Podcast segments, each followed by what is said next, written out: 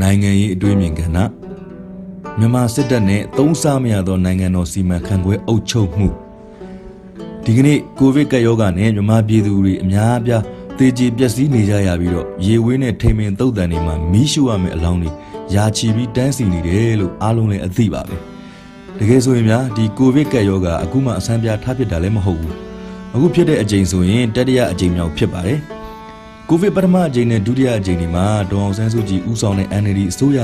တည်တည်ငြိမ်ငြိမ်ကြော်ဖြတ်နိုင်ခဲ့ပြီးအခုကျအာဏာမတရားသိမ်းထားတဲ့စစ်အစိုးရလက်ထက်မှာကြတော့တတိယအကြိမ်မြောက် outbreak ပါဖြစ်နေရတဲ့အခြေအနေပါစစ်ကောင်းဆောင်နဲ့စစ်အစိုးရရဲ့စီမံခန့်ခွဲမှုဟာဒေါ်အောင်ဆန်းစုကြည်နဲ့ NLD အစိုးရရဲ့ခြေပြားကိုတော့မမီပဲအင်မတိအင်မတန်မှကိုညံပြင်းစုတ်ချရုပ်ပဲ့လွန်းလာပါတယ်ဘဝတစ်ခုလုံးစစ်တပ်ထဲမှာပညာတွေသင်ခဲ့စစ်တပ်ကတော်ကြီးစောက်ပြီးတော့စစ်နီးပြူဟာကြီးတွေ နိုင်ငံတော်အဆင့်စီမံခန့်ခွဲမှုအဆင့်ဆင့်သင်ကြားပြီးတော့မှဗိုလ်ချုပ်ကြီးတွေဖြစ်လာတဲ့သူတွေအားလုံးရဲ့ဉာဏ်ရည်ကိုပေါင်းပြီးတော့ငားနဲ့မြှောက်ရင်တော့မှဒေါ်အောင်ဆန်းစုကြည်ရဲ့အရေးချင်းရဲ့အခြေပြားကိုတော့မမိနိုင်သေးပါဘူး။ဘာလို့လဲဆိုတော့သူ့ရဲ့စီမံခန့်ခွဲမှုကကိုယ်ပိုင်အရေးချင်းကိုယ်ပိုင်အတွေးခေါ်နဲ့ကိုယ်ပိုင်စဉ်းစားဆင်ခြင်ဉာဏ်နဲ့လာတာဖြစ်လို့ပါပဲ။ဒါပြင်ဒါလို့ဒါလို့ပြီးရင်ဒါလို့ရမယ်ဆိုတာမျိုးကတော့ဗျာ Golden Retriever ခွေးလေးတွေကတော့ စစ်ဘူဂျိုကြီးတွေပို့ပြီးတော့လုတ်တက်ကင်တက်မဲ့ညံရီတာမယ်လို့ထင်ပါတယ်ဗျာအဲအကြောင်းမို့လို့မြန်မာပြည်ကလေတစက်မှအသုံးမကျတဲ့စစ်ဘူဂျုတ်တွေရဲ့အုပ်ချုပ်စီမံမှုအောင်မှာတစထတစစုပ်ပြတ်သက်ပြီးဆုတ်ဆမြုပ်ဆဖြစ်ခဲ့ရတာပေါ့ကိုဗစ်ပထမလိုင်းမှာတော့ကဒေါအောင်ဆန်းစုကြည်ဟာကုသရေးထက်ကာကွယ်ရေးကိုပို့ပြီးတော့အလေးပေးခဲ့တယ်စန္ဒာကြီးတွေအားချင်းဖော်ထုတ်ပြီးတော့ယောဂကုဆက်သူနဲ့ထိဆက်သူအားလုံးကိုတီးတန့်ခွဲထားတဲ့ဗျူဟာနဲ့ ကက်ယောဂါကို outbreak မဖြစ်အောင်ကာကွယ်နိုင်ခဲ့တယ်ဗျဒုတိယလိုင်းဖြစ်တဲ့အချိန်ကျတော့ကာကွယ်ရေးတွေမကဘဲနဲ့ကုသရေးအတွက်ပါသေးသေးချာချာပြင်ဆင်ခဲ့ပြီးရန်ကုန်ဆေးရုံကြီးနဲ့အခြားဆေးရုံကြီးတွေမှာကိုဗစ်လူနာတွေရောက်ရှိလာခဲ့လို့ရှိရင်တီးသန့်ခွဲထားလို့ရတဲ့နေရာတွေကိုကြိုတင်ပြင်ဆင်ခဲ့တဲ့အပြင်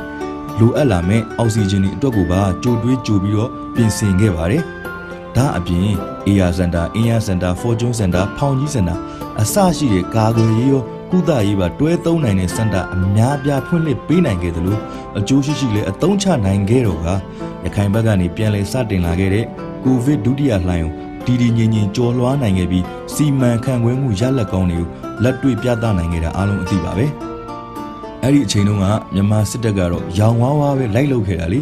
ဘာဖြစ်လို့လဲဆိုရင်အခုချိန်မှာစစ်တပ်ကတိုင်းပြည်အာဏာကိုရယူထားခဲ့ပြီးဖြစ်တဲ့အနေအထားမှာ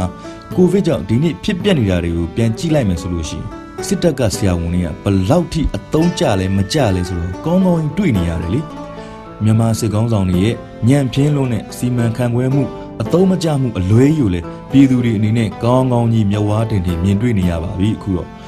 တကယ်ဆိုရင်စစ်ကောင်းဆောင်တွေအနေနဲ့စီမံခန့်ခွဲမှုမလုပ်တတ်လို့ရှိရင်လဲအရှိအရှိတွေမှာဒေါအောင်ဆန်းစုကြည်နဲ့သူ့ဆရာဝန်ကြီးတွေဘယ်လိုပဲပုံလောက်ကင်ခဲ့တယ်ဆိုတော့နမူနာယူလို့ရတာပဲဒါပေမဲ့ဒီလောက်လေးတော့ အဖြစ်ရှိအောင်စီမံခန့်ခွဲမှုမလုပ်နိုင်မင်းနဲ့တိုင်းပြည်အာဏာကိုဘယ်သို့ဘယ်ညာလွှဲပြောင်းရယူတယ်ဆိုတာတော်ယုံတန်ယုံအရှက်မရှိယုံနဲ့တော့မဖြစ်နိုင်ပါဘူး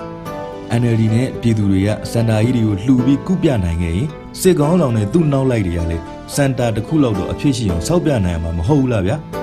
မဟုတ်ကဟုတ်ကတရားနာမည်တော့မှမရရအောင်အခမ်းအနားနဲ့ပြောင်းပြခဲ့တာမျိုးတွေရှိသေးတာပဲတကယ်အဖြစ်ရှိရမယ့်ကိစ္စမျိုးတွေမှာကြတော့ဘာကြောင့်မလုပ်နိုင်ရတာလဲ ပြည်သူတွေအတွက်ဆိုရင်တော့ပို့ပြီးတော့ဝေလာဝေးဝေးလုံးနေပါသေးတယ်ဗျာခုစစ်တပ်ထေးကဝန်ထမ်းတွေအတွက်တော့မှလေကိုဗစ်ရောဂါအတွက်စီမံခန့်ခွဲမှုကောင်းသလားမကောင်းသလားဆိုရမှာစစ်တပ်ထေးကအရာရှိစစ်သည်တွေစီရီယမ်လုပ်ပြီးတော့ဗတ်ပြောင်းကုန်ကြတာတွေကတတ်သေးပဲလေဗျာဘာတတ်သေးလဲဆိုတော့ဒင်းတို့စစ်ကောင်စီရဲ့စီမံခန့်ခွဲမှုညံ့ပြင်းခြင်းကိုပြနေတဲ့တတ်သေးတွေပဲဖြစ်ပါတယ်နောက်ဆုံးပြောချင်တာကတော့ဗျာမြန်မာစစ်ကောင်းဆောင်တွေအနေနဲ့တိုင်းပြည်အာဏာကို မတန်မရာမျက်စောင်းလိုက်ထိုးနေမယ်စားဒေါ်အောင်ဆန်းစုကြည်စီကနေပညာယူပညာရှာမိသင့်တယ်လို့အကြံပေးကျွဲပါဆောင်တီးပြီးနွားပလာတာကျွေးလိုက်ရပါတော့တယ်ဗျာကျွန်တော်ຫນွေလင်းဟန်ပါ